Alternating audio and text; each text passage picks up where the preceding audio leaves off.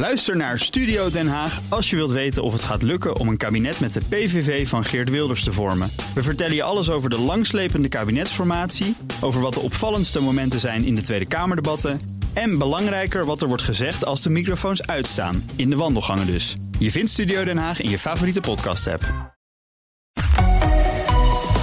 BNR Nieuwsradio. The Big Five. Art Rojakkers.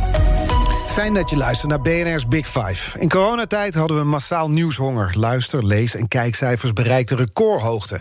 In BNR's Big Five van de hoofdredacteuren horen we hoe de redacties zochten naar de juiste rol en voor welke moeilijke keuzes ze kwamen te staan. En we praten ook over toenemende geweld tegen journalisten.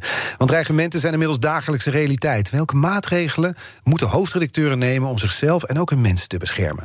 Vandaag bespreek ik dat met Corine de Vries, hoofdredacteur van de regionale dagbladen van Mediahuis Nederland, zoals bijvoorbeeld het Leidsdagblad en de Gooi in Eemlanden. Goedemorgen. Goedemorgen. Welke hoort er nog meer bij? Noord-Hollands Dagblad, IJmuiden Courant en het Haarlems Dagblad. Ja, nou dat, dat zijn ze dus. Het is een heel rijtje. Uh, we beginnen met stellingen in dit programma. Mag je eens of oneens zeggen, kan later nuanceren. Ik werd hoofdredacteur van regionale kranten... omdat ik het rustiger aan wilde doen. Oneens. Ja, dat dacht ik al. De regionale krant is ook interessant voor twintigers? Eens. Ik ben wel eens bang voor fysiek geweld tegen mijn verslaggevers. Eens. Je bent nu iets meer dan een jaar hoofdredacteur. Ja, bij, eh, ja al maart die- ben ik begonnen. Ja, precies. Eh, na een lange journalistieke carrière, onder andere adjunct bij de Volkskrant geweest. Kun je die stap naar het hebben van eindverantwoordelijkheid, wat je nu hebt als hoofdredacteur, eens omschrijven? Ja, het is toch wel een heel andere eh, tak van sport. Eh, sowieso is natuurlijk de overgang van landelijk nieuws naar regionaal eh, groot. Eh, ik had er zelf heel erg veel zin in ineens. Eh, ik heb bewust niet gesolliciteerd op eh, hoofdredacteur van de Volkskrant. Daar had ik geen zin in. Oh. Maar toen kwam deze plek en toen ging het overal bij mij kriebelen van... oh, dit lijkt me echt heel leuk. En daar waar ik eigenlijk altijd dacht, ik ben perfecte tweede man. Hè, prima als al iemand anders dat podium pakt. Had ik nu zoiets, nee, wat een onzin. Dat denken wij vrouwen, maar waarschijnlijk ook net iets vaker dan mannen. Dit, kan ik, eh, dit moet ik ook kunnen en dit ga ik doen. Want het lijkt me zo leuk om weer echt met het nieuws bezig te zijn. En als hoofdredacteur zit je ook echt wel weer bovenop op de krant en de onderwerpen... en je kunt richting geven. En Ja, maar, en, en, maar hoofdredacteur hier, ja. Hoofdredacteur Volkskrant, nee. Waar zat er met verschil in? Ik denk dat ik al te lang bij de Volkskrant in de leiding had gezeten. Ehm, en eh, het Zou is je ook als wel... voordeel kunnen zien? Ja, ja, ja, maar voor mij voelde dat niet zo. En het is ook eh, wel een hondenbaan hoor, hoofdredacteur van de Volkskrant. Ja? Ja. Daar keek er ja. redelijk vrolijk bij, Pieter Ja, Klok, gisteren. Ja, toen hij maar te gast het was. lijkt mij heel eh, zwaar. Wat is er een hondenbaan aan? Nou, je staat echt voortdurend in de spotlights. Eh, je, de, de, de, de krant heeft een grote verantwoordelijkheid, is heel zichtbaar.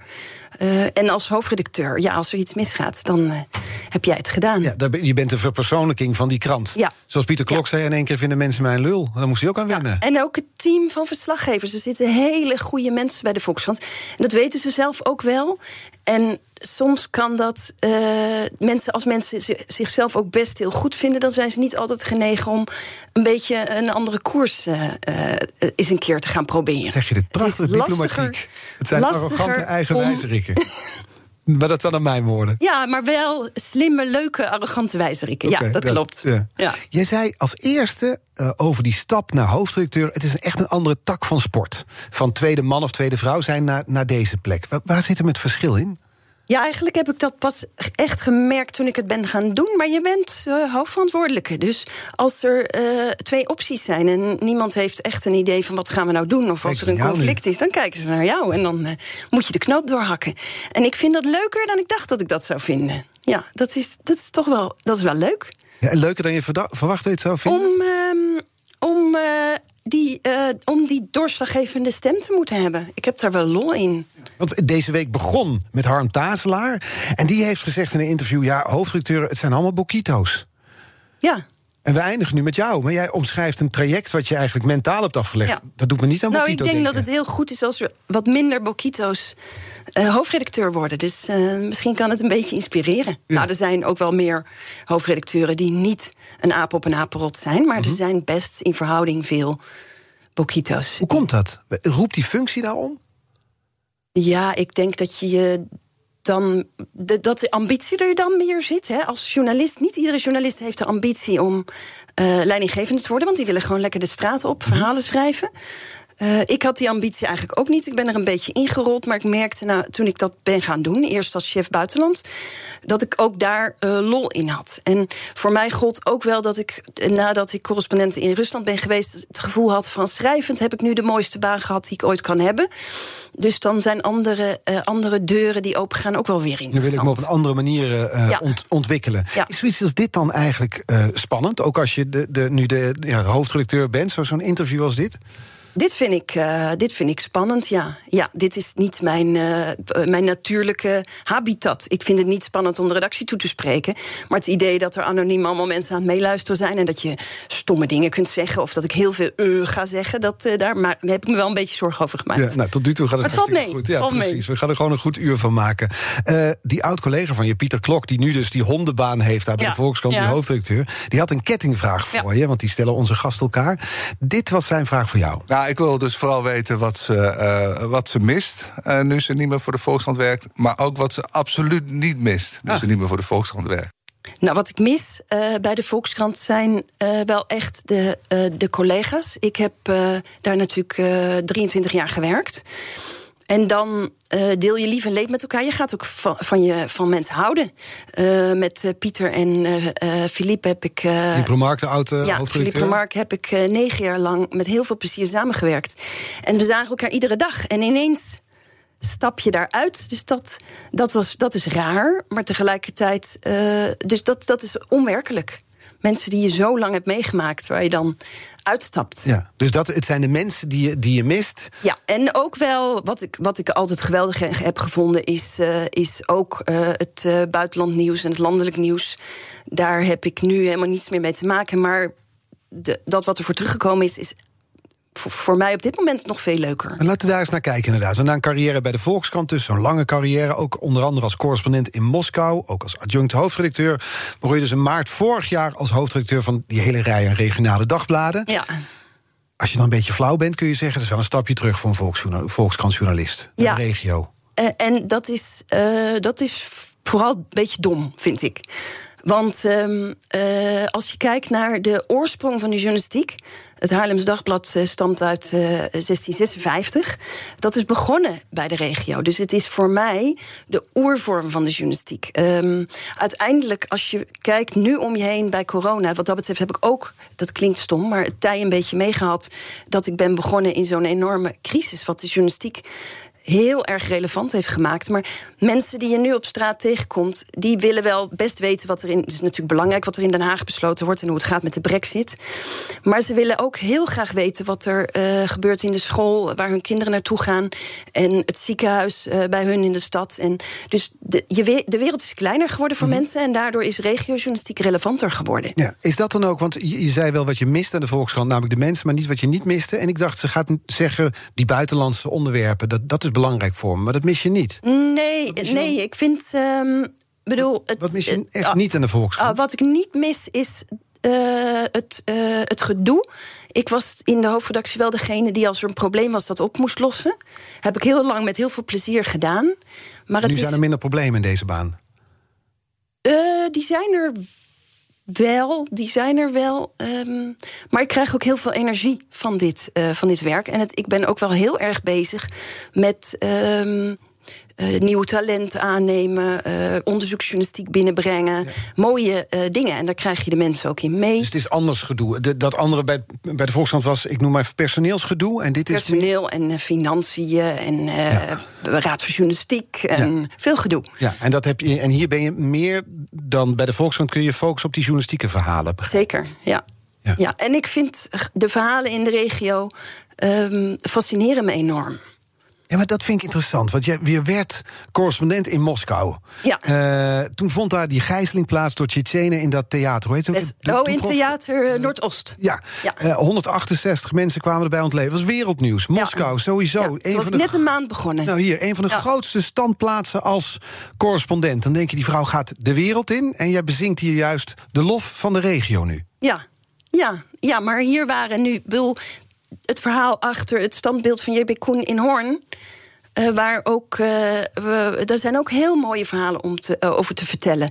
Ehm, ik ben van huis uit antropoloog. Als ik dan lees dat Medemblik uh, bestaat uit één uh, stad, 17 dorpen en 11 buurtschappen. Met ook heel katholieke mensen en extreem gereformeerde zwarte kousen gemeenten. En die nog steeds enorm veel moeite hebben om samen te werken. En die moeten als één gemeente door.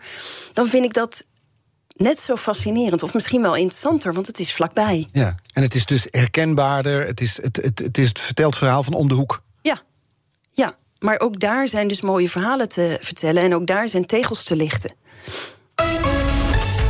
The Big Five. Art Rojakkers. Deze week in de Big Five vijf hoofdredacteuren van grote media. Met vandaag de gast Corine de Vries.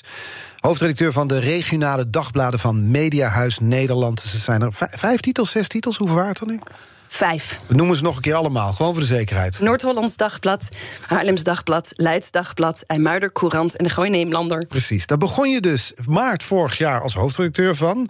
Nou, toen kwam corona, dus dan heb je allemaal mooie plannen bedacht... en besproken die sollicitatiegesprekken, wat je gaat doen... en dit wordt mijn aanpak en dit en dit en dit. Kon allemaal, hup, overboord, viel allemaal in het water. Nee, eigenlijk heeft het me ook wel een beetje geholpen. Gek genoeg. Ja, dat zei nou. Het, het plan wat ik had, wel, wij hebben. Uh, onze basis zit aan de Basisweg in Amsterdam. Daar zit de centrale redactie. Maar we hebben overal regiokantoren. Van Den Helder en Schagen tot Leiden, Haarlem, Hilversum, Hoorn. Uh, negen regiokantoren in totaal.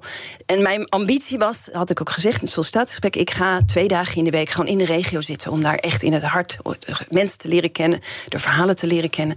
En ja, daar was ik heel ambitieus mee begonnen. En na vijf bezoeken ging de deur dicht. En bleven mensen thuis. En vond ik ook dat ik dat niet zomaar kon doen. Er bleven altijd wel mensen naar onze kantoren komen. Maar veel kleinere groepen. En dan, uh, dan moet je daar niet tussen gaan zitten als je niet echt nodig bent. Een ander punt dat je ook belangrijk vond, begreep ik toen je begon, was het aanpakken van de samenwerking tussen de regionale nou, titels. Dat was wat ik bedoelde met het heeft geholpen. Want um, uh, in het verleden hadden wij een vergadering. Om tien uur hebben wij altijd een nieuwsvergadering met alle regio-chefs. En dat deden we via een zwarte doos. En ja, zodra dit begon, bleken we Teams te hebben al geïnstalleerd op onze computer, maar we gebruikten het nooit. Je kon elkaar in één keer zien nu. En toen konden we ineens elkaar zien. Want die zwarte en... doos, zo'n zo telefoonding op zo'n vergadertafel. Ja, zo hoor je alleen de stemmen. Nou, dat was voor mij al helemaal heel abstract, want ik had die mensen pas één keer ontmoet. Uh, dus je kon elkaar zien, je kon veel beter, de, de, de discussies liepen beter. Je kon ook wat makkelijker gewoon eens vragen van hoe is het nou met je. Um, dus dat heeft geholpen. Ik heb gelijk een wekelijkse chefsvergadering. Uh, we hadden geloof ik maandelijks overleg of zes wekelijks overleg met alle chefs bij elkaar. Ik heb gezegd, we gaan wekelijks op woensdag een uurtje om gewoon even te horen hoe is het met je team. Zijn er nog coronagevallen? Um, wat zijn verhalen die je gemaakt hebt waar je trots bent de afgelopen week? Uh, daarvan maak ik nu wekelijks ook een nieuwsbrief zodat ze in Leiden ook lezen wat er in Schagen uh, mooi was. En waarom is interessant voor de mensen En daarmee inspireren ze elkaar. Ja, nou, Leiden en Schagen hadden niets met elkaar te maken. En die hadden die wisten ook bijna niet welke collega's daar werkten. En nu lezen ze elkaar stukken. En een goed verhaal uit Hilversum kan natuurlijk prima ook in Zaandam gemaakt worden. Dus je, het, het, het, je wereld, het, het inspireert. Het het uh, geeft verbinding. Uh, dus dat heeft heel erg geholpen. En in zo'n nieuwsbrief zet ik ook... Uh, als er kinderen geboren worden of als iemand ziek is... sturen ze elkaar kaartjes. Dus op die manier hebben we wel de samenhang tussen redacties ja. vergroot. Die samenhang is er dus. En als je dan als, vanuit de lezers kijkt... dus niet vanuit de redactie of lezers of gebruikers van het nieuws dat jullie brengen... wat is succesvol geweest de afgelopen jaren? Wat, wat, nou, afgelopen ik, jaar, ik heb enorm geluk gehad ook... dat mijn redactie al een jaar voor mijn komst, of een half jaar voor mijn komst, begonnen is met Webfirst werken. En die lijn, daar sta ik helemaal Webfirst Webfirst werken. ja. Dus uh, niet meer. Vroeger uh, uh, ging een regioredacteur op pad en dan wist hij, ik moet een twee kolommer schrijven voor de vijf. En, dat, en dan wist eigenlijk, nou ja, wisten mensen maar half wat hij ging doen als die mhm. twee kolommer maar vol kwam. Ja. Nou, dat is natuurlijk niet heel erg journalistiek ambitieus. 20e eeuw of ja. 21e eeuw ja. is dat. En uh, Web First werken maakt je... Je gaat met elkaar bespreken wat ga je doen, waarom ga je doen, hoe ga je doen. En dan komt het...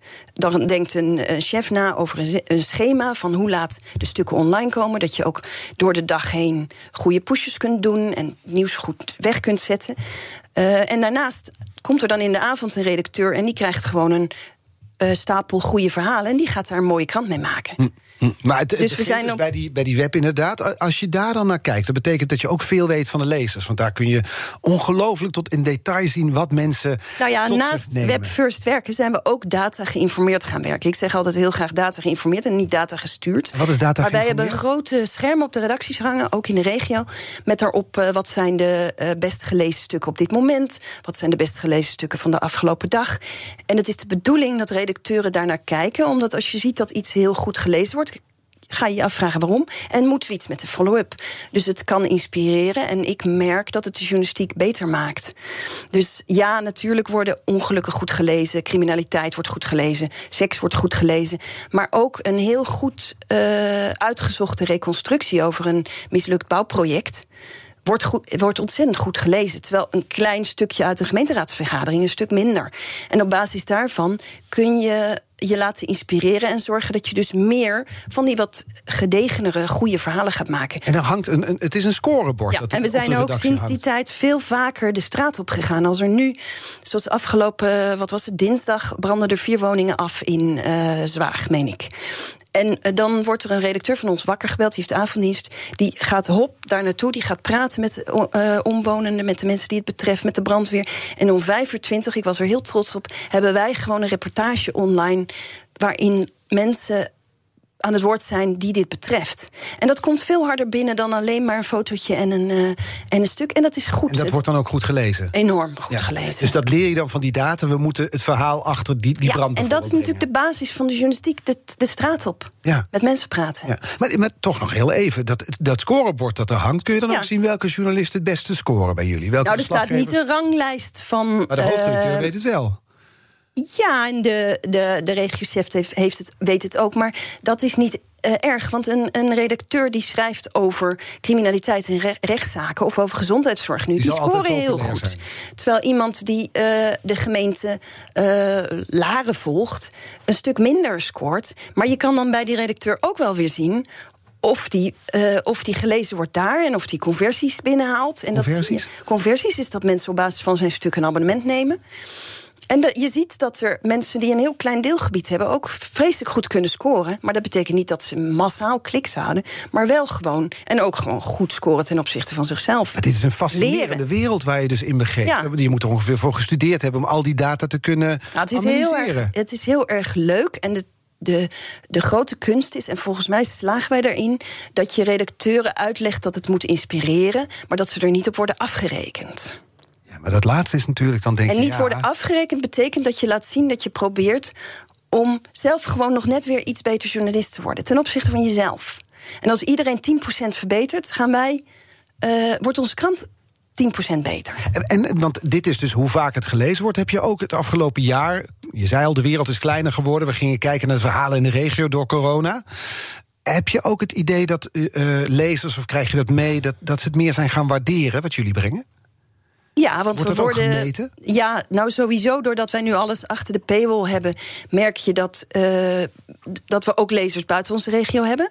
Eh, eh, onze Heel stukken worden. weten wat er Laren gebeurt. Ja, nou, als jij een goed menselijk verhaal hebt over. of laatst een verhaal over een, een tweeling van wie de ene heel ziek is en de tweede van tien eigenlijk mantelzorger is voor de zusje. Nou, dat soort verhalen, dat is ook mooi als je in Apeldoorn woont. En wij merken ook, wij, sinds kort, sinds de zomer, eh, eh, mag de Telegraaf twee stukken van ons eh, per dag ook overnemen. En op de, op de Telegraafsite kunnen onze stukken, stukken soms ook heel goed doen. En nou, dan brengen bereiden bereiken we ook weer een groter publiek. Ja. Je zei al dat je. Je zei het is een rare uitdrukking. Met, je had de wind mee in zekere zin door corona. Hè? Dat je dus Ja. begon in maart. En dan gebeurt die. die het is ook een coronabonus voor de journalistiek geweest. Ja, zeker. Eh, journalisten leefden misschien ergens wel een beetje boven hun stand. En dan denk ik, ik werk ook voor tv. Gingen de kijkcijfers bijvoorbeeld omhoog. En denk je dat dit blijvend is, die, die interesse? Nou ja, wij zagen dus door onze manier van werken. Hè, dus voordat ik kwam hadden we al een stijgende lijn. Dus de, die krediet eh, die, eh, die eis ik helemaal niet op. Eh, na, door corona kwamen er gigantische Nou, pieken. Mojito was geweest dat je het wel gewoon Ja, opeist. hè? ja, ja, ja. nou, maar het is niet eerlijk, hè? Ehm, kwamen de gigantische pieken. En daarna zijn we blijven stijgen. Niet ten opzichte van die pieken van corona. maar Dus je ziet dan even een daling. Maar ja, we gaan nog steeds heel goed. Ja, maar straks mogen de wereld weer overvliegen. Dan wordt de wereld weer groter. Dan vergeten we misschien wat er direct om ons Nou heen ja, is. ik, daarom vind ik dat we beter Maak je moeten daar worden. zorgen om als hoofdredacteur? Is dat iets, een vraagstuk waar je mee bezig bent? Over eh, als de wereld van mensen weer breder wordt, dat ze dan. Ik denk niet. Ik denk dat mensen nog steeds interessant vinden wat er in hun omgeving gebeurt. Je moet alleen zorgen dat je het relevant maakt en interessant maakt. En dat mensen, als ze het in hun sociale bubbel langs zien komen, op een gegeven moment denken: ja, maar dit is al de vijfde keer een stuk van, eh, eh, van de IJmuider Courant. Ik ga een abonnement nemen. Ja, ja, het heeft ook met kwaliteit te maken. Die kwaliteit ben je altijd al over de data. We zijn niet data gedreven, maar data geïnformeerd. Het heeft ook te maken met de mensen die je kan aantrekken. Is, het, eh, want een van die stellingen in het begin is... de regionale krant is ook interessant voor twintigers. Daar zei je ja op. Dat geldt dan voor lezers. Geldt het ook voor journalisten? Willen jo- jonge Nou ja, journalisten bij jou komen Ik werken? zei daar ja op, omdat ik denk dat goede verhalen voor twintigers ook interessant zijn. Als wij een goed verhaal hebben waarvan ik denk, het is, het- dan laat ik het ook wel eens aan mijn zoon van twintig lezen. En dat leest hij dan met plezier. Ehm, eh, maar dan moet het over voetbalmanager gaan of weet ik veel wat. Ja. Maar. ehm, eh, jonge wij- ik heb journalisten, niet die de illusie. Ja, ja, maar eh, eh, jonge journalisten, ja, die willen bij mij komen werken, want ze kunnen bij mij heel erg goed ervaring opdoen. En in de regiojournalistiek mag je heel veel en kun je heel veel. Eh, eh, en eh, de journalisten die nu bij ons stage hebben gelopen, we hadden er geloof tien de afgelopen periode. Ja, die hebben ontzettend veel kunnen schrijven en heel veel kunnen leren. En eh, ja, wat is er leuker dan gewoon de straat op gaan en een verhaal vertellen? Nou, niet zoveel. Ja, in een radiostudio staan en mensen Ja. vragen mogen stellen. Het is ook best leuk om te zijn. Dus nee, het lukt enorm eh, om eh, jong talent binnen te halen. Ik ben daar zelf ook blij om. Want bij de Volkskrant was ik daar verantwoordelijk voor. En dan was het natuurlijk heel makkelijk. Want iedereen wil bij de Volkskrant of bij de NRC werken. Ehm, maar het lukt me ook om ze bij de, eh, bij de regio binnen te halen. Ja, ja. Zie je in die data ook wat jullie doelgroep is? Hoe oud bijvoorbeeld lezers zijn? Ja, onze, onze doelgroep is eh 32 plus. Als het gaat Specifiek getal, 32. Ja, plus. ja dat, eh, ik denk dat dat een beetje de leeftijd is dat mensen een baan hebben, kinderen krijgen, zich vestigen. Dan ga je een regiokrant eh, eh, lezen. Dus wij, wij gaan niet voor studenten schrijven, maar wel over studenten. Ehm, we hebben natuurlijk veel, heel veel ook heel oudere, veel oudere lezers. Maar aan onze nieuwe digitale abonnees zie je dat de gemiddelde leeftijd een stuk lager ligt. Zometeen praten we verder. Wil ik ook graag van je weten hoe jij denkt dat de media het vertrouwen van een hele grote groep eh, sceptische Nederlanders kan terugwinnen. Tot zo. BNR Nieuwsradio. The Big Five. Art Rojakkers. Welkom bij het tweede halfuur van BNR's Big Five. Deze week vijf kopstukken uit de media. Vijf hoofdredacteuren. Met vandaag ter gast Corine de Vries, hoofdredacteur van de regionale dagbladen van Mediahuis Nederland. Staat dat dan ook op je visitekaartje zo of niet? Eh, Nee, daar staan die titels op natuurlijk. ja, welke titels waren het ook alweer? Noord-Hollands Dagblad, Muider Courant, Haarlems Dagblad, Leids Dagblad en de Gooie Neemlander. Precies, dat zijn ze. Ehm, met de andere hoofdredacteuren die dan minder titels onder zich hebben, dus misschien daarmee ook wel minder verantwoordelijkheid dan jij, heb ik de afgelopen week de tijdgeest besproken. We hadden het over Ja. polarisatie, over fake news, over die felle discussies op de sociale media. De media zelf die van partijdigheid beschuldigd worden, ook aangevallen worden. Speelt dat ook in de regiojournalistiek? Ja, helaas ehm, merk je wel dat de spanningen toenemen. Ook natuurlijk ook in de regio. Eh, dus we hebben natuurlijk de rellen gehad naar aanleiding van de, van de lockdown. Dat avondklokrellen. Ja, de avondklokrellen. Een van onze freelance fotografen was de man die die steen eh, tegen zijn hoofd kreeg. Dat is een van jouw mensen. Ja, ja, ja. Wat Eh, gebeurde daar? Nou, eh, hij, was niet, hij is niet belaagd omdat hij journalist was. Ze dachten dat hij een stille was. Dus hij, want hij had een lange jas aan en iets onder zijn jas. eh, maar goed, doet er niet toe. Je, je schrikt er natuurlijk erg van. Je wordt je ook bewust van de risico's die we lopen. Mhm. Ehm, en ik merkte dat het ook echt eh, effect had op onze, op onze redacteuren. Ja, er was zijn, er angst? Ja, er zijn mensen eh, wel eh, bang eh, geworden van moeten we wel daar naartoe. En dat vind ik ook goed. eh, want angst is, eh, i- kan een goede raad. eh, dan ben je op je hoede. Ja. Als je bang bent. Zorg als je voor alertheid. Ja, ik ja. kan me nog herinneren dat heb- er dan de journalisten waren die tijdens die avondklok dan heel stoer gingen vertellen dat ze helemaal niet bang waren.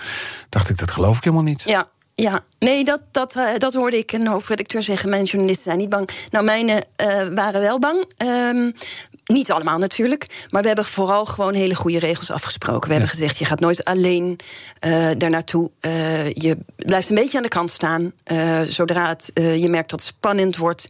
ga je sowieso naar de kant. Vertrouw altijd op je instinct. Dat weet ik ook uit eigen ervaring, dat dat gewoon belangrijk is. Hoe bedoel je dat laatste? Ik weet het uit eigen ervaring. Nou, ik, eh, ik weet, uh, ik heb natuurlijk ook uh, als correspondent wel heftige dingen meegemaakt. En ik, dat je, als je eenmaal onder de adrenaline zit en je wilt verhaal vertellen, dat je dan je eigen grenzen overgaat. En ik heb een keer toen bij Beslan, die school die bestormd is ja. geweest, daar was ik bij. Daar had ik op een gegeven moment gewoon vijf verhalen voor de krant geschreven van de volgende dag. Want al die kinderen waren daar omgekomen. En nou, enorm heftig. Ik had met huilende ouders gesproken. En toen, dan heb je je stukken door en dan valt er even een leegte. Toen ben ik de straat op gegaan. En met een collega ben ik gaan kijken bij die school. Een beetje zo door de bosjes. En toen zagen we de school in brand staan. En daar stonden iets van 50 speciale troepen, zwaar bewapend. En er waren ook misschien nog rebellen uh, uh, op de vlucht. Toen dacht ik, dit is heel dom. Ja, het is niet handig om dan door de bosjes te kruipen dus daar om iets te zien. Toen dacht ik, ja, nee, dit. dit en zo'n moment moet je je mensen voor waarschuwen. Ga dan dus niet die bosjes in. Nee. Nee, en dat is dus de, wat je als hoofdredacteur dan kan doen. Want dat is ja, nu, ze kijken in dit soort gevallen ervaring. naar jou. Ja. En die ervaring heb je dus dan. Maar ik vind wel dat ze er naartoe moeten. Want ze moeten met de mensen praten. Ja. Maar je moet heel erg goed nadenken over wat je doet. Want dat vroeg ik me af. We hadden Marcel Gelauw van de NOS hier te gast. Die had het over het chilling effect. Dat betekent dat je bij sommige onderwerpen journalist denkt... ik blijf misschien liever bij weg. Bijvoorbeeld zijn mensen die wat meer op afstand blijven... bij bepaalde demonstraties. Ja, maar uh, ik denk dat de collega's van de NOS het ook wel inderdaad heel zwaar hebben, omdat ze echt doelwit zijn. Um, bij ons kunnen mensen wat anoniemer uh, de menigte in.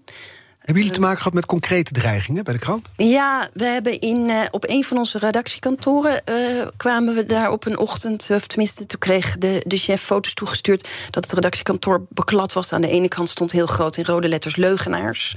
En aan de andere kant in rode letters uh, pedonaties. Um, en een getuige had gezien dat dat was. Dat was in Schagen. Een getuige had gezien dat dat was uh, opgespoten door iemand die ook een mes bij zich had. Nou, daar schrik je natuurlijk ontzettend van. Achteraf bleek dat een. Uh, een uh, iemand die uh, in complotten gelooft en die vond dat wij veel te weinig schrijven over uh, kindermisbruik in Bodegraven. Wat een beetje gek is, want Schagen ligt niet in de buurt van Bodegraven. Um, maar dat is. Dat, dat doet je wel besef, dat doet wat met een redactie. Ja, vooral omdat die regiojournalistiek, jouw kantoren zitten in die maatschappij. Het is Ja. heel laagdrempelig. Ja, ja, en dat is ook als onze mensen de straat op gaan. Als, eh, we, eh, eh, vorige week, twee weken geleden, was er eh, de kermis in Urs, Ursum die niet doorging. Vorig jaar ging de kermis ook al niet door. Kermis is heel belangrijk in West-Friesland. Dan zitten die jongeren daar eh, met hun kratten bier om toch nog een beetje eh, ja, eh, lol te hebben, flink te drinken. De burgemeester bes- besluit om daar massaal politie op af, af te sturen. Dat loopt helemaal uit de hand. Ga je dan als verslaggever met die toch al geïrriteerde jongeren praten, ja of nee? Nou, wij hebben dat wel gedaan, maar dat is. Dat is en, en vervolgens, je woont daar ook om de hoek. Precies, ze weten waar je woont uiteindelijk. Dus Ja, het is moeilijk ja. te achterhalen. Ja, dus. ehm, Wat zijn dan de eh, richtlijnen? Dan zeg je, je gaat nooit alleen bijvoorbeeld. Je doet dat met z'n Nee, tweeën. hier is de verslaggever wel weer alleen Oh, op nou. afgegaan. Dat wist je natuurlijk ook van Nee. tevoren niet. Nee. De richtlijn is: als je het niet durft, dan doe je het niet. En je, je had het over dus iemand die dan die, die, die, eh, jullie kantoor daar in Schagen onder eh, spuit... met graffiti, met leugenaars en iets met pedo's. Dat komt dan uit die antivaccinatiebeweging, begrijp ik. Nou, ik weet niet of dit een beweging was. Dit was Een één. Ja, weet ik niet. Nee. ik weet. Het, gaat erover wie, wie een podium wil geven. hè. De- de- ja. de, eh, gisteren was Pieter Klok hier te gast. Die zei nou bijvoorbeeld die hele beweging, die antivaccinatiebeweging... da, da- daar zijn we kritisch op. We laten ook niet iedereen aan het woord. Willem Engel bijvoorbeeld, van, van Viruswaarheid... laat ik niet aan het woord. Ik vind niet dat hij een plek in mijn krant hoeft te krijgen. Hoe kijk jij daarnaar? ja, daar ben ik het niet mee eens. Ik ehm, vind dat. eh, je zou moeten willen weten wat Willem Engel eh, beweegt en waar het vandaan komt en wat erachter zit. En je lezers ook een kijk daarop geven. Dus een goed interview met eh, Willem Engel wil ik best lezen. Wil ik ook best aan mijn lezers laten. Lezers zijn ook niet dom, hè? Die, die moet je vooral gewoon heel veel input geven om hun eigen mening te vormen. Je moet wel vervolgens, als, als er mochten er flagrante leugens in staan en wetenschappelijke onzin, dan moet je daar dat in een kader plaatsen en een perspectief. Misschien iemand erop laten reageren. Het eh, goed. Maar hij kan wel gewoon geïnterviewd worden. Ik vind van wel. Ja. Ja, ik, ik vind dat interessant. En Maar waarom zouden we dat dan aan de lezers moeten onthouden? Ja, nou ja, de- de- het heeft te maken misschien met zijn opvatting van de journalistiek... en ook van Paul Jansen van de Telegraaf. Paul Jansen zei, polarisatie moet soms. Dat doen wij met onze krant. Wij publiceren gewoon cijfers, criminaliteitscijfers... onder eh, eh, asielzoekers bijvoorbeeld. Terwijl Pieter Klok zegt, nou, ik vind dat media eigenlijk meer moeten inzetten op het zoeken naar een gedeelde waarheid en juist minder op polarisatie. Het zijn twee tegenovergestelde meningen. Hoe kijk jij daarnaar? Ik denk dat ik er een beetje tussenin hang. Ik vind dat media uh, uh, wel degelijk gewoon. Uh, ja, wij moeten tegels lichten. Wij moeten onrecht spotten. Wij moeten ook signaleren als het ergens goed gaat. Maar daarin moeten we niet per se dan sturend zijn. Dus ja, ik denk dat wij kunnen polariseren door gewoon uh, aan te geven wat er, uh, wat er gebeurt. Ja, Pieter Klok zei er zijn, uh, dat is journalistiek tegenwoordig, ook met al die talkshows. Je hebt mening A, mening B, zet je tegenover elkaar en dan ben je klaar. Dat vind ik niet meer genoeg in deze tijden. We moeten juist op zoek naar, nou ja, wat ik zeg, een soort gedeelde waarheid. Ja, ja. een collega van je, heel lang geweest. Ik ben ja. benieuwd of dat dan. Nou nee, maar ook dat, die, die... dat moet je natuurlijk. Uh, dat moet je natuurlijk uh, dat moet je ook natuurlijk weergeven. Maar je moet daarin niet sturend zijn. Je moet niet per se pretenderen dat je de waarheid in pacht hebt. Je moet wel uh, uh, zin van onzin onderscheiden. -hmm. Ja. Ja, ik snap wat je bedoelt. Maar ik, ik zit, zit te kijken naar. Zeg maar, het, het gaat over de opvatting van de journalistiek. Jij hebt nu een aantal kranten onder je. waarmee je ook agenda bepalend kan zijn. Je doet niet alleen verslag van wat er gebeurt in die regio. Nee, je bepaalt ook. Hier geven we aandacht aan, daar geven we geen aandacht aan. Daar zit een soort verantwoordelijkheid bij.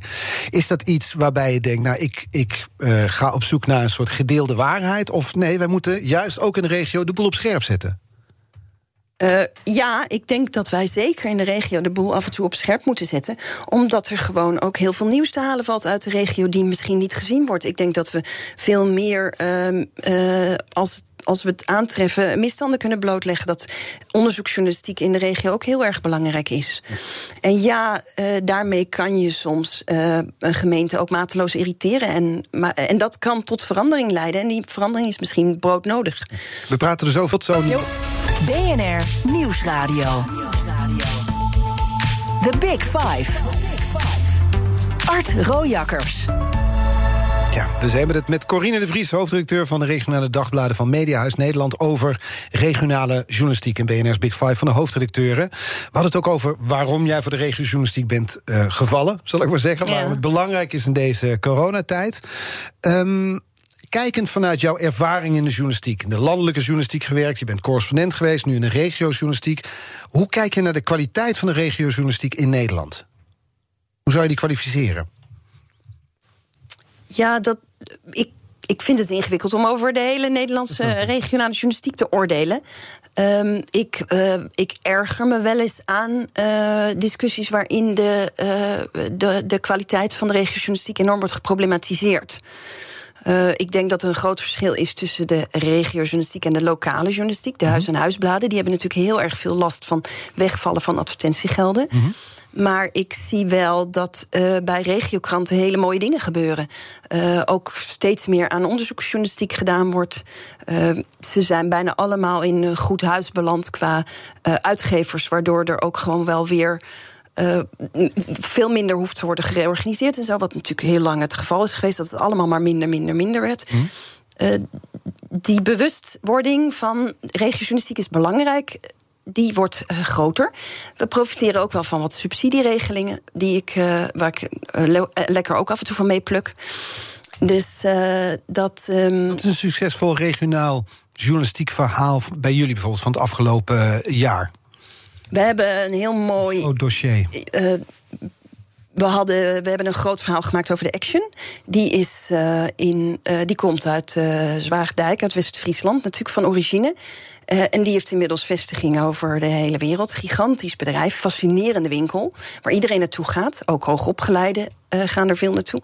Wij, zijn daar undercover geweest in een distributiecentrum. En, en nou, hebben daar een hele reeks verhalen over gemaakt. Podcast-serie nu ook te luisteren. Ook heel mooi af twee weken geleden een verhaal over uh, de Leidse winkelstraat, de Haarlemmerstraat. Waarbij wij echt onderzoek hebben gedaan naar uh, de, alle panden de afgelopen 25 jaar. Wat zijn er allemaal voor winkels in geweest? Hoe zijn die gefinancierd? Wie zijn de eigenaren? Mm -hmm. hoe, hoe kun je nog een nieuwe winkel beginnen daar? Wat, en dat hebben we vergeleken met andere grote winkelstraten in ons gebied. Nou, dat zijn prachtige verhalen die ja, heel relevant zijn. Precies, waarmee je wil zeggen, er worden goede verhalen gemaakt. Ja. Nou is macht, tegenmacht is een the thema op dit moment in onze maatschappij. Al is het maar Door wat er allemaal gebeurt in eh, Den Haag. Dan gaat het ook over de controle van de macht door de journalistiek. Ehm, als, als je kijkt naar lokale politiek, is de regionale journalistiek dan behept genoeg, scherp genoeg? Nou, dan praat ik even voor mijn eigen redactie. Uh, wij hebben 180 uh, mensen um, in dienst. En omdat wij uh, kunnen gebruik maken van binnenland en buitenland kopij van collega-kranten uit Mediahuis, zijn die 180 mensen echt bezig met zuiver regiojournalistiek waarvoor wij op aard zijn. Uh, dus als er um, uh, vergaderingen zijn, gemeenteraadsvergaderingen zijn in onze regio, dan zijn wij daarbij. Eigenlijk altijd. Dat vind ik een groot goed. Mm. Niet om nou die kleine stukjes waar ik het eerder over had uh, te schrijven, maar wel om gewoon in de gaten te houden wat er speelt. Om de mensen te spreken, om daar de verhalen over te maken en om die macht te controleren. Ja, maar want het is een heikel punt inderdaad. Je zal het niet voor niks noemen. Want er zijn verschillende rapporten uitgekomen waarin staat dat de democratie in vooral kleinere en middelgrote gemeenten onder druk staat. Lokale journalistiek, regionale journalistiek kan door dalende advertentieinkomsten, krimpende abonneebestanden en daardoor steeds kleinere redacties de taak op dat gebied steeds slechter volbrengen. Um, Terwijl er veel meer taken te controleren zijn eigenlijk... omdat er veel van het Rijk naar de gemeente toe is uh, geschoven. Zijn er adviesrapporten van twee ministeries... en de Vereniging van Nederlandse Gemeenten, zijn niet de minste. Deel je die conclusies? Ik denk dat er, uh, dat er belangrijke leemtes zijn uh, in Nederland. Ik woon in Amsterdam-Noord en er is een enorm bouwproject bij mij aan de overkant. Er wonen 1500 woningen, zeven bovenwijkse voorzieningen gebouwd. En uh, bij de vergaderingen, daar ben ik wel aanwezig geweest namens een bewonersvereniging... zit, bijna, zit er eigenlijk gewoon nooit een journalist bij. Dus ik word zelf, vind ik, regionaal in Amsterdam-Noord niet goed bediend. Mm -hmm. Uh, terwijl uh, als dat soort vergaderingen in Hoorn zijn of in Laren, dan zitten wij erbij.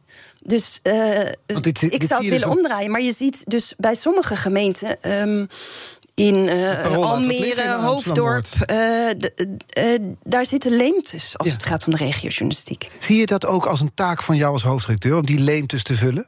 Ik zie het wel als een uitdaging om te kijken of we daar iets, uh, iets kunnen gaan betekenen. Ja. ja. want het waren grote woorden in die adviesrapporten. Hè? De, de, de democratie staat onder druk. En dan kijk toch naar een hoofdredacteur van verschillende regionale kranten. Da daar spelen jullie dan ook een rol in? Ja, zeker. Zeker. Dus ik vind ook wat we moeten proberen. Dat is het mooie van de digitale journalistiek. De papieren krant is heel belangrijk, blijft ook heel belangrijk. Uh, een derde van de nieuwe abonnees neemt een papieren krant nog steeds uh, zes dagen in de week. Maar met die uh, papieren journalistiek, of met die digitale journalistiek, kunnen wij, kunnen wij nieuwe mensen bereiken, denk ik. We zien ook dat we ineens weer heel erg groeien in de Gooi Neemlander in Hilversum.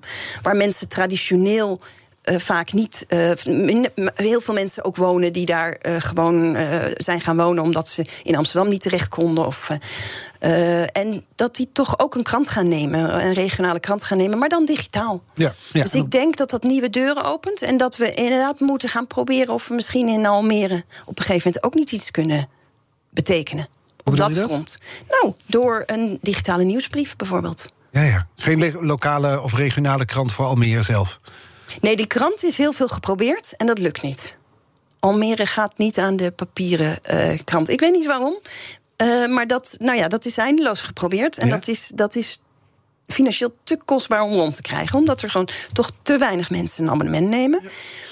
Maar dat neemt niet weg dat mensen wel willen weten wat daar gebeurt. En dat ook daar uh, de democratie gecontroleerd moet worden. En dat ook daar het verhaal over een failliete winkelier interessant is om, uh, om uh, te noteren. Ja. Dus um, zou ik hopen dat we misschien daar digitaal... Dat zie je in Amerika ja, ook, hè? Dus er komt een website voor Almere... Het nieuwe succesmodel in uh, Amerikaanse media is hyperregionale nieuwsbrieven betaalde nieuwsbrieven of gratis nieuwsbrieven. Dat is interessant. Dus daar, nou ja. Dan komt er een Almeerse nieuwsbrief waar dus nieuws over die gemeente, dat zou ik, kunnen.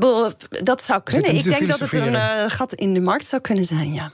Nou, dit, is, dit is een droom van een hoofdredacteur. Het is gewoon leuk, ja. Ja, dat zou interessant zijn. Ja. En, en ook omdat je, je, je, wil, je, je, vindt, je wilt nieuws bij de mensen brengen. Je wil je wil dat mensen. ik vind dat mensen het recht hebben dat er inderdaad hun lokale machthebbers worden gecontroleerd. Ja, ik vind het fascinerend en dat er gecheckt wordt of Almere niet wordt overlopen door wat er in Amsterdam wordt besloten. Precies, maar ik vind het fascinerend dat ik hier tegenover een hoofdredacteur van een aantal regionale titels zit, die nu de lof zingt over hyperlokale nieuwsbrieven. Is dat de toekomst van de ja, regiojournalistiek? Hyperlokaal, hyperregionaal. of hyperregionaal, wat in, in Amerika gebeurt. Is dat de toekomst nou ja, van regiojournalistiek? Ik, ik denk wel dat, dat nieuwsbrieven het best werken uh, als, uh, als je een heel specifiek klein onderwerp uh, hebt. Dus het FD is ook heel succesvol met financieel nieuws. Mm -hmm.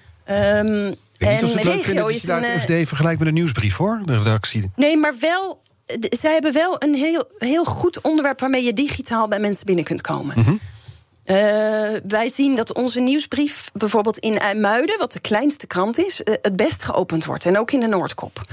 Dus uh, ik denk dat daar een behoefte aan is. En dat omdat het heel erg herkenbaar is voor de mensen. Mm -hmm dat ze, uh, dat, ze dat, uh, dat ze genegen zijn om dat te gaan lezen. Ja. ja. Een van die stellingen in het begin was... ik werd hoofdredacteur van regionale krant... omdat ik het rustig aan wil doen. Tuurlijk zei je erop nee. Dat heeft hiermee te maken. Daar, daarom stond die stelling daar. Omdat de taak van de regionale journalistiek... misschien wel groter is, zwaarder is, verantwoordelijker is... dan ooit tevoren. Juist omdat er zoveel nou, taken van de landelijke overheid... naar gemeenten worden geschoven. Is dat, we hadden het er net heel even een bijzin over... maar is dat iets waar je als hoofdredacteur mee bezig bent? Ja, je bent bezig met. Um, nou, vooral bezig met hoe je de journalistiek nog weer beter kunt maken. Hoe je de verhalen beter kunt maken. Hoe je inderdaad uh, kunt zorgen dat we ook tijd vrijmaken voor onderzoek. Uh, en dat zijn allemaal dingen die een democratie nodig heeft. Ja. Maar dat hele grote perspectief, daar ben ik niet. Uh, niet nee, maar bijvoorbeeld, we hebben hier ooit een uh, gesprek gehad over jeugdzorg bij de Big Five. Daar blijkt, dat wordt helemaal naar gemeenten toegeschoven, is van alles mis. Daar zouden regionale kranten dus een, een voortrekkersrol in kunnen spelen. Ja, die verhalen schrijven wij ook. Dus waarom spreek ik je erop aan, bedoel je?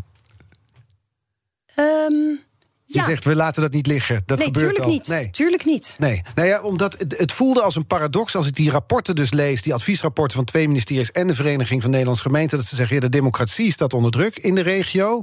En tegelijkertijd zijn er meer taken dan ooit voor regiogemeenten. Ja, dat is waar. Nou ja, ik, ik heb alles. Ik praat wel eens mee met die, uh, met die onderzoeken. En ik zeg altijd: ga nou eens echt goed in kaart brengen waar dan de, de gaten zitten. En probeer je daar dan eens echt op te richten. Maar volgens mij is dat nog niet gebeurd. Nee, het is te generaliserend misschien. Ja, we conclusies trekken voor iedereen. Terwijl het op sommige gebieden best heel, uh, um, heel goed loopt. En je ziet ook, ook mijn collega's van de uh, AD-regio, die hebben allemaal groeiende oplages. En die uh, maken ook prachtige verhalen. Ja. Volgende week hebben we een hele andere week hier in de Big Five. Mijn collega Diana Matroos gaat dan spreken met topadvocaten. Maandag is dat uh, Gerard Spong. Jij mag hem een kettingvraag stellen. Wat zou je van hem willen weten? Ja, um, meneer Spong. Uh, ik, waar ik heel nieuwsgierig naar ben, stel u zou. Um, uh, van vandaag besluiten om een andere carrière aan te gaan. U, wordt onderzoeksjournalist. Welk onderwerp zou u zich op gaan richten? Ofwel, wat laten wij als media liggen? Ben ik heel benieuwd naar. Daar ben ik ook benieuwd naar. Nou, maandag gaat hij het beantwoorden dus met bij mijn collega Diana Matroos, Gerard Spong. Waar ik nog benieuwd naar ben, is je hebt nu dat jaar achter de rug. Dat, dat, dat rare coronajaar als hoofdredacteur. Word je voor een bepaalde periode benoemd eigenlijk? Nee. nee. Dus stel je zit nog over vijf jaar of over tien jaar. Welk doel heb je voor jezelf gesteld? Wanneer ben je tevreden? Ik denk dat ik nooit tevreden ben. Het kan altijd beter. Ja, uiteraard. Maar waar, waar wil je naartoe werken? Nou, ik heb niet zo'n soort einddoel. Ik wil die, die groei uh, voortzetten. Um, ik wil nieuwe journalistieke uh, wegen ontdekken. Mm -hmm. Maar ik wil vooral ja, de, de goede verhalen schrijven. Dus waar wil ik naartoe werken? Ja, stapje voor stapje, maar wel telkens beter. En ook wel dat mijn team gewoon happy is. En ehm, het leuk vindt om in zichzelf te blijven investeren. Ja, ja. En, en zou het dan ook zo zijn dat als we over vijf jaar zo'n week van de hoofdredacteuren doen, dat ik dan niet vier mannen te gast heb en één vrouw, maar dat het andersom is? Kortom, dat je wat meer vrouwelijke collega's hebt? Ik zie heel veel talent onder uh, jonge vrouwen. En toen ik begon bij de krant een jaar geleden, was één op de veertien leidinggevende eh, vrouw. En straks in de zomer zijn er zeven vrouwen. Dus nou, daar ben ik ook wel trots op. Ja, en dat is bewust beleid geweest, neem ik aan. Nou, ze waren gewoon de beste kandidaat en er waren functies vrij. Ja, en zo hoort Je kijkt er wel glunderend Ja, bij. Ja, dat snap ik. Vind ik ook belangrijk. Niet eh, eh, omdat je gewoon in de discussie verschillende stemmen moet hebben, verschillende leeftijden. Eh, het, heeft, het, het heeft de sfeer, denk ik, beter gemaakt. Ja. En ook de journalistieke verhalen breder. De, de- een van die kettingvragen, dat was nog een vraag die door mijn hoofd schoot... toen ik die kettingvraag van Pieter Klokker je stelde... wat jij miste aan de Volkskrant en wat je niet miste. Wat misten ze aan jou, nu je daar weg bent? Nou, ik denk dat er gewoon heel. de- het is gewoon een goed team daar. Ja, snap ik, maar je voegde er iets aan toe. Ja, ik denk wel dat ik een hoop energie kan brengen. Eh, en dat ik. eh, ik ben totaal niet bang om mensen aan te spreken als, eh, als ik het ergens niet mee eens ben. Of als dingen. Als we vinden dat dingen beter moeten, dan durf ik dat te zeggen. En dat. dat kan niet iedereen, denk ik, of zo. Of dat doet niet iedereen. Ik vind de eerlijkheid het belangrijkste. En uiteindelijk zijn we voor, er voor de lezer. Ja. Het zal de kwaliteit daar bij de regionale kranten van het Mediahuis omhoog brengen. Daar ben ik van overtuigd. Dank voor de komst, Corine de Ries. Dankjewel. Ehm, voor de luisteraars, de aflevering van BNR's Big Five zijn natuurlijk terug te luisteren. De podcast is te vinden in de BNR-app en op bnr.nl. Dus ook de eerdere gesprekken van deze week met die andere hoofdredacteuren. Nu op deze zender Nina van den Dungen met BNR Breekt. Alvast een fijn. Ook Hugo Reitsma vind je in de BNR-app. Superhandig die BNR-app. Je kunt alle programma's live luisteren, breaking nieuwsmeldingen. Je blijft op de hoogte van het laatste zakelijke nieuws. En je vindt er alle BNR-podcasts, waaronder natuurlijk de belangrijkste, Boeken zijn in de wijk. Download nu de gratis BNR-app en blijf scherp.